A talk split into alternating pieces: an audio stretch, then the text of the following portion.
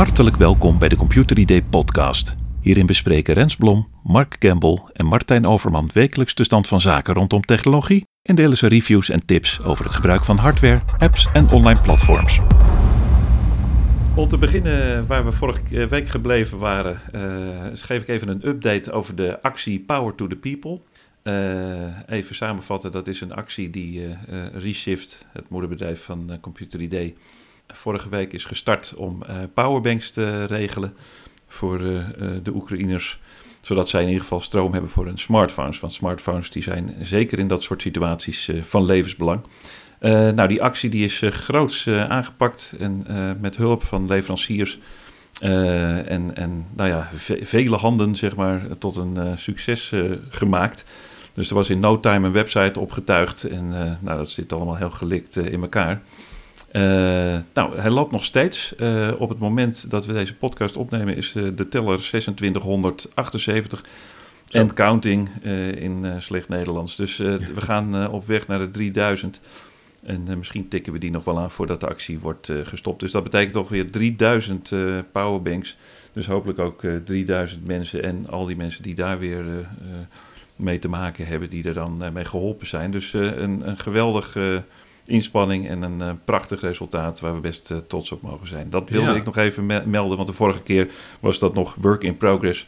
Uh, en nu, nu loopt dat dus al ruim een week. En nou ja, niet zonder, uh, zonder succes, gelukkig. Ik wilde alleen even inbreken om te zeggen dat ik het echt heel veel vind. Dat we bijna 3000 powerbanks gewoon in een week hebben opgehaald. Eigenlijk via zo crowdfunding en via samenwerkingen met retailers. Om gewoon zoveel mensen te helpen. Dat vind ik echt super mooi. Ja, nee, precies. Het, uh, het was duidelijk dat er uh, ja, niks doen is geen optie. Dus ja, dit was ook iets wat we snel konden regelen. En nou, de reacties van zowel het publiek als van de retailers uh, waarmee we samenwerkten was uh, overweldigend. Dus uh, blij mee, trots op en ja, hopelijk is de oorzaak snel verdwenen. Want dat ja, is toch en belangrijk. as we speak komen er ook net powerbanks binnen op kantoor. Dus worden nu toevallig net een pallet geleverd, dus dat is actueel. Nou, dan uh, gaan we over uh, tot het nieuws uh, van deze week. Nou, Apple heeft natuurlijk een groot evenement gehad. Rens weet daar alles over te vertellen. Ja, het was het eerste Apple-evenement van dit jaar. En het is toch altijd wel een momentje, want Apple die gebruikt zo'n evenement om allerlei verschillende producten aan te kondigen. Dat is ook ja, deze dinsdag gebeurd. We hebben het onder meer over een nieuwe iPhone SE, nieuwe computers, een nieuwe tablet. Dus laten we het allemaal even kort doornemen met jullie, Mark en Martijn erbij. Allereerst die iPhone SE, die uh, is over anderhalve week te koop, kost 530 euro minimaal. En dan krijg je een model voor wat qua uiterlijk wel heel erg veel lijkt op die van 2020. Die heette dus ook de iPhone SE. Hij heeft nog steeds een compact 4,7 inch scherm, dus je kan hem goed met één hand bedienen. Het gaat nog steeds om een HD-scherm, niet super scherp.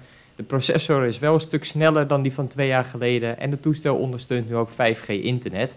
Maar ja, daar heb je in Nederland nog niet zo heel erg veel aan, want het 5G is hier eigenlijk nog niet sneller dan 4G. Ja, toestel... Nog steeds niet? Nee, dat duurt nee. nog wel even hoor, maar dat gaat te ver om nu uh, te behandelen. Het toestel uh, ja, heeft nog steeds ook die Lightning-poort, er is nog geen USB-C-aansluiting.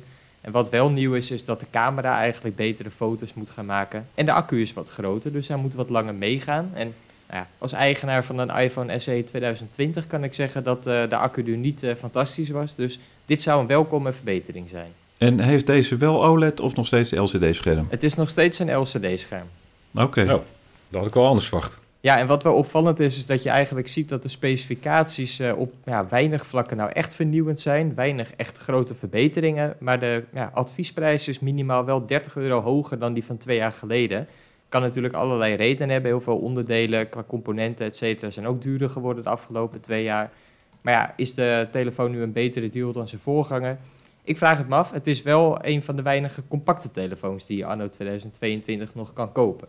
Ja, ja oké. Okay, maar ik heb gelezen dat je de iPhone 12 mini en 13 mini, niet te vergeten, uh, dat die en compacter zijn en betere specificaties hebben. Ja, klopt allebei. Die zullen wel wat duurder zijn uiteraard, dus uh, ik snap die verschillen. Maar uh, ja, ik, ik sta voor die keuze binnenkort en uh, ja, ik twijfel nog. Ja, het prijsverschil is wel een paar honderd euro, Martijn, dus dat is best wel serieus. Oké, okay. maar die 13 die is 700 euro volgens mij, een beetje. Ja, klopt. Ja, die paar honderd euro hm. dus.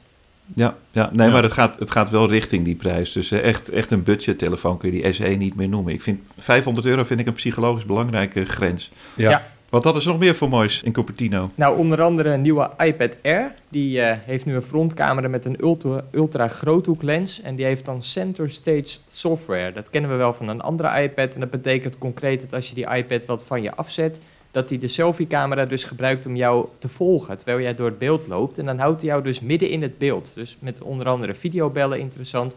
Maar ook voor mensen die zo'n tablet op een creatieve manier gebruiken. Bijvoorbeeld hè, omdat ze een influencer zijn en dus vlogs opnemen of bijvoorbeeld kookvideo's opnemen. Dus dat is wel een interessante functie. En verder zie je ook dat de, de iPad natuurlijk betere specificaties heeft gekregen. Een nieuwe processor die echt uh, wat sneller is. Uh, het modem is nu ook geschikt voor 5G internet. Dat kon die vorige iPad Air nog niet. En verder, ja, qua ontwerp en scherm lijkt hij wel weer heel erg veel op zijn voorganger. En die nieuwe iPad Air die heet ook iPad Air 2022 en hij is binnenkort te koop vanaf eigenlijk 700 euro als je het afrondt. Ze zullen okay. niet de prijs voor de meest creatieve naamgeving winnen. nee, dat denk ik ook niet. Nee. En wat wel weer een grappige nee. nieuwe naam is, als je dat uh, uh, doorzet, dat is de Apple Mac Studio. Dat is een desktop PC en die heeft ook een, een nou, door zelfgemaakte Apple processor. Maar ja, Mac Studio is toch weer een nieuwe naam.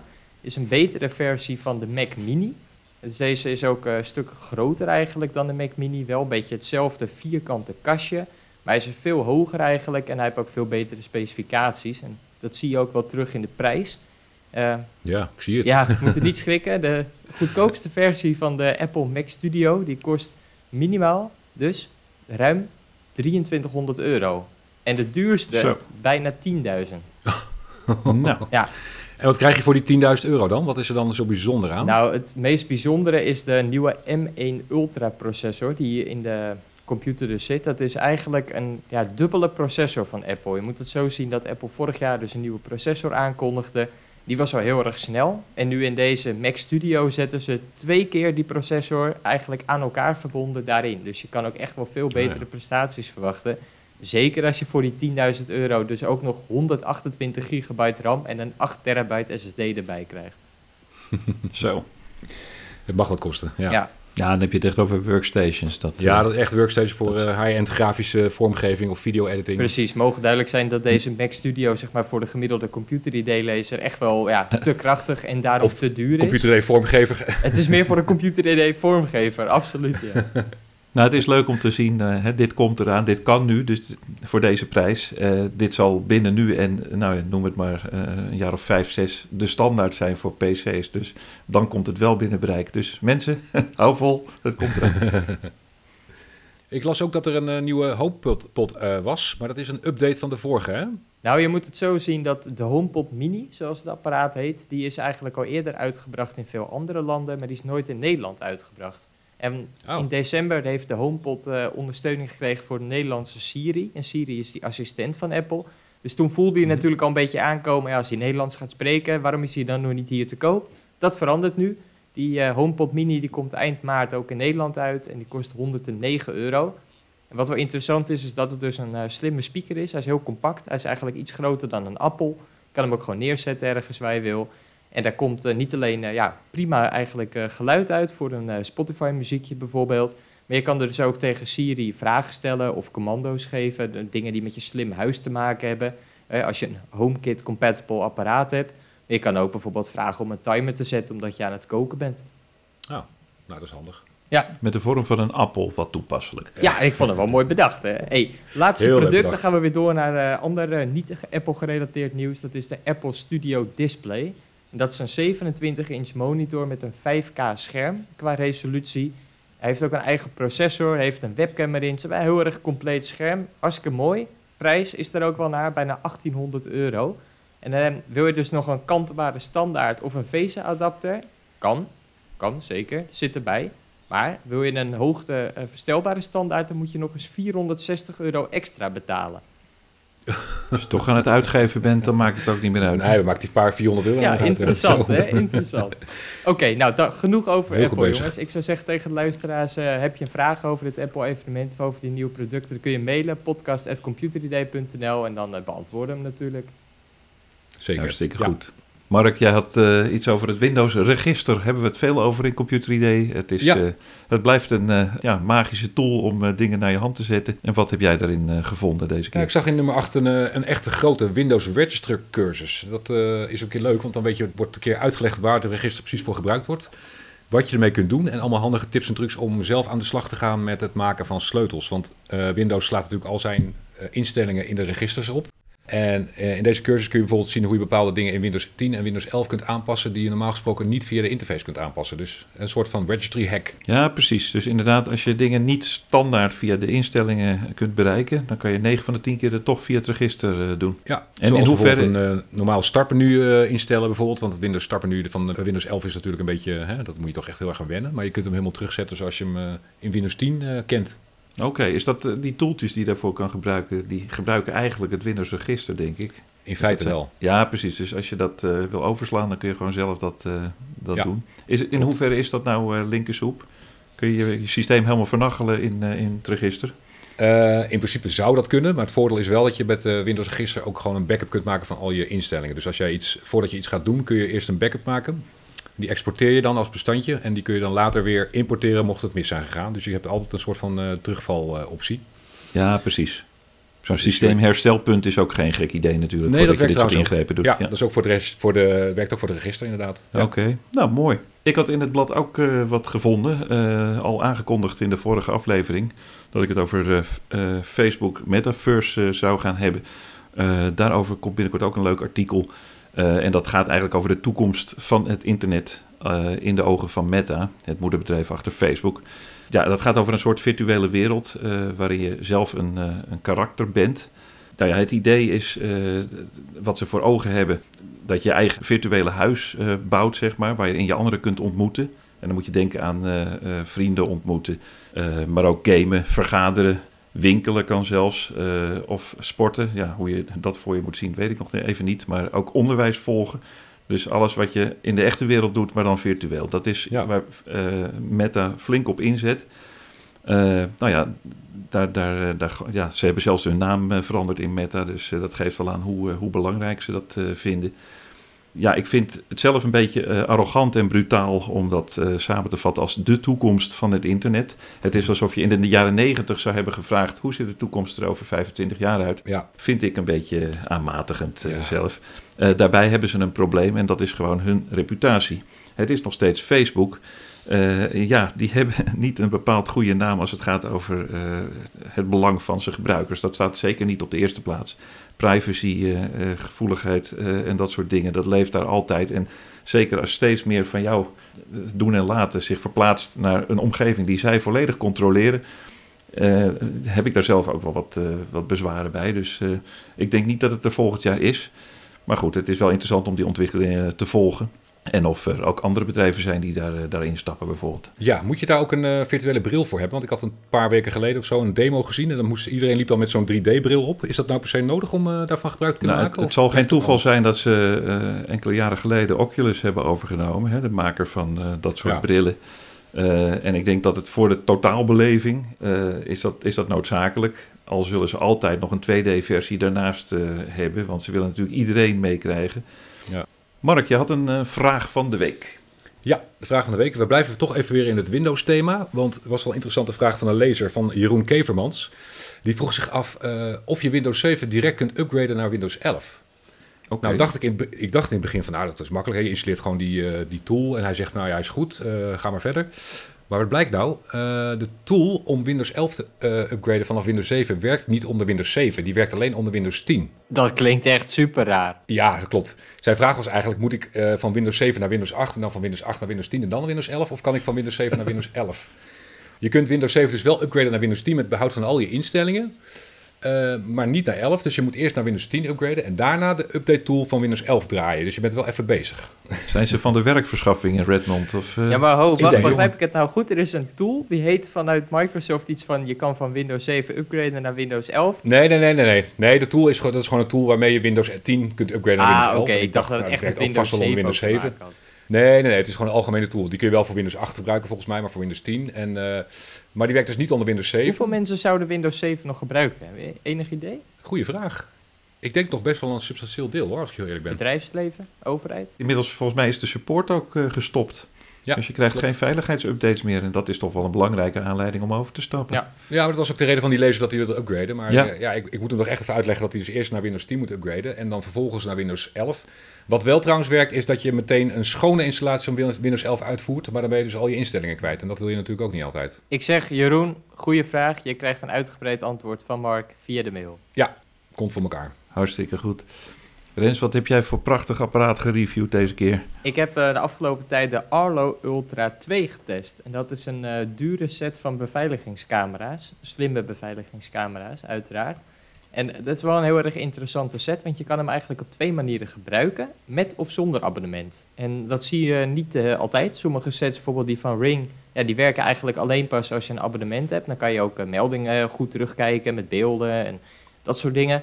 En bij Arlo kun je een USB-stick of micro SD-kaartje in dat basisstation stoppen. En dan kun je dus eigenlijk alles wel gebruiken. Alleen, ik merkte dat je toch niet alle slimme functies kan gebruiken. Bijvoorbeeld uitgebreide melding op je smartphone, daar moet je dan toch weer een abonnement voor nemen. En daar dacht ik, nou oké, dat kan. Maar dat abonnement blijkt 15 euro per maand te kosten. Dat vind ik dan toch wel weer een, een hoop geld. Zeker als je Een bedenkt heel hoog bedrag. ja, zeker als je bedenkt dat die set van die camera's, één basisstation met twee camera's, dat kost al ruim 500 euro. Dus het is niet Zo. goedkoop. Maar goed, dat gezegd hebben, de camera's zelf, die werken wel echt supergoed. Echt, eh, ik heb nog nooit zulke goede beveiligingscamera's eh, mogen testen. Ze hebben ook 4K Zo. beeldkwaliteit, ze zijn draadloos te monteren, magnetisch bijvoorbeeld, werken binnen en buiten, kunnen tegen alle weersomstandigheden. Ze gaan een paar maanden mee op een accu, daarna laat je die gewoon via magnetische kabel op. Heel gebruiksvriendelijk allemaal. In die camera's zit ook een sirene. Die kan echt best wel hard als er bijvoorbeeld eh, een inbreker binnenkomt. En wat je ook... Doe eens. Ja, nee, dan, dan, vinden, de, niet dan vinden de luisteraars niet leuk, denk ik hoor. Het is een beetje Nee, alsof ik kerstmuziek ga zingen. nee hoor, dus die camera's die zijn wel echt super supergoed. Eh, maar ik vind het wel een, eh, een aandachtspunt om te zeggen dat je dus ja, bij de aanschaf al een hoop geld betaalt voor de kwaliteit van de camera's. Maar dat je dus wel goed moet nadenken op welke manier jij die camera's wil gebruiken. Namelijk met of zonder abonnement. Want ja, met abonnement Ja, komt er ja. dus nogmaals 15 euro per maand bij. Ja, dat vind ik nog best veel geld hoor. zelf Ja. nooit voor kiezen. Dan, dan zet je liever een NAS neer. Nou ja, ik wou zeggen, werkt dat niet met de NAS samen? Je kan het wel Ja. koppelen aan een NAS, maar dan blijf je dus wel dat pijnpunt houden dat je niet eh, alle slimme functies kan gebruiken. Al is het wel de vraag van ja, wat mis je als je niet alle slimme functies kan gebruiken, maar wel gewoon meldingen krijgt en de beelden ook gewoon lokaal kan opslaan. Ik vind het wel goed om te horen dat ze inmiddels 4K zijn. Dan heb je eindelijk een keer beelden Ja. waar, je, waar je ook de mensen goed op kunt zien. Want je Dat ziet heeft af best en lang toe geduurd. van dat opsporingsprogramma Ja. eh, beelden voorbij Nou ja, dat je denkt, is het wat ik, eh, 2022? wat ik zelf wel heel gaaf vond aan deze camera's, is dat ze dus, eh, ze zijn best wel compact. Ze kunnen eh, in alle weersomstandigheden buiten opgehangen ook worden, binnen, eh verzin het maar. En ze zijn dus gewoon magnetisch ook te monteren. En dat maakt ze wel echt heel erg flexibel. En Arlo die zei ook tegen mij van ja, het is enerzijds wel gericht op consumenten, maar anderzijds ook wel gewoon op winkels en kleinere kantoren. eh, eh, die niet eh, willen betalen voor echt een alarmdienst, wat natuurlijk ook veel geld kost op maandbasis, maar die wel gewoon goede kwaliteit beelden willen. En daar is dit wel een interessant product voor. Nou, dankjewel Rens voor deze update. In de volgende podcast gaan we in op het in de gaten houden van je thuisnetwerk. Ieders eh, netwerk, eh, nou, iedereen die een thuisnetwerk heeft zal het herkennen dat er steeds meer apparaten en, eh, en onderdelen aangeknoopt worden. Het bevat al onderdelen als laptops, smartphones, tablets, slimme apparaten. Beveiligingscamera's, beveiligingscamera's, ik wilde Apple. HomePod Mini. Dat beheer daarvan en het overzicht, dat kun je nog wel eens kwijtraken. Dus we gaan in op tools die zulke netwerkapparaten in de gaten houden. Die alarm slaan als er dingen gebeuren die niet de bedoeling zijn. Dus eh, daarover de volgende keer. Eh, reacties, eh, tips, nieuwtjes kun je mailen naar podcast.computeridee.nl En dan nemen we jouw reactie graag mee in een volgende aflevering. Tot ziens! Tot volgende week.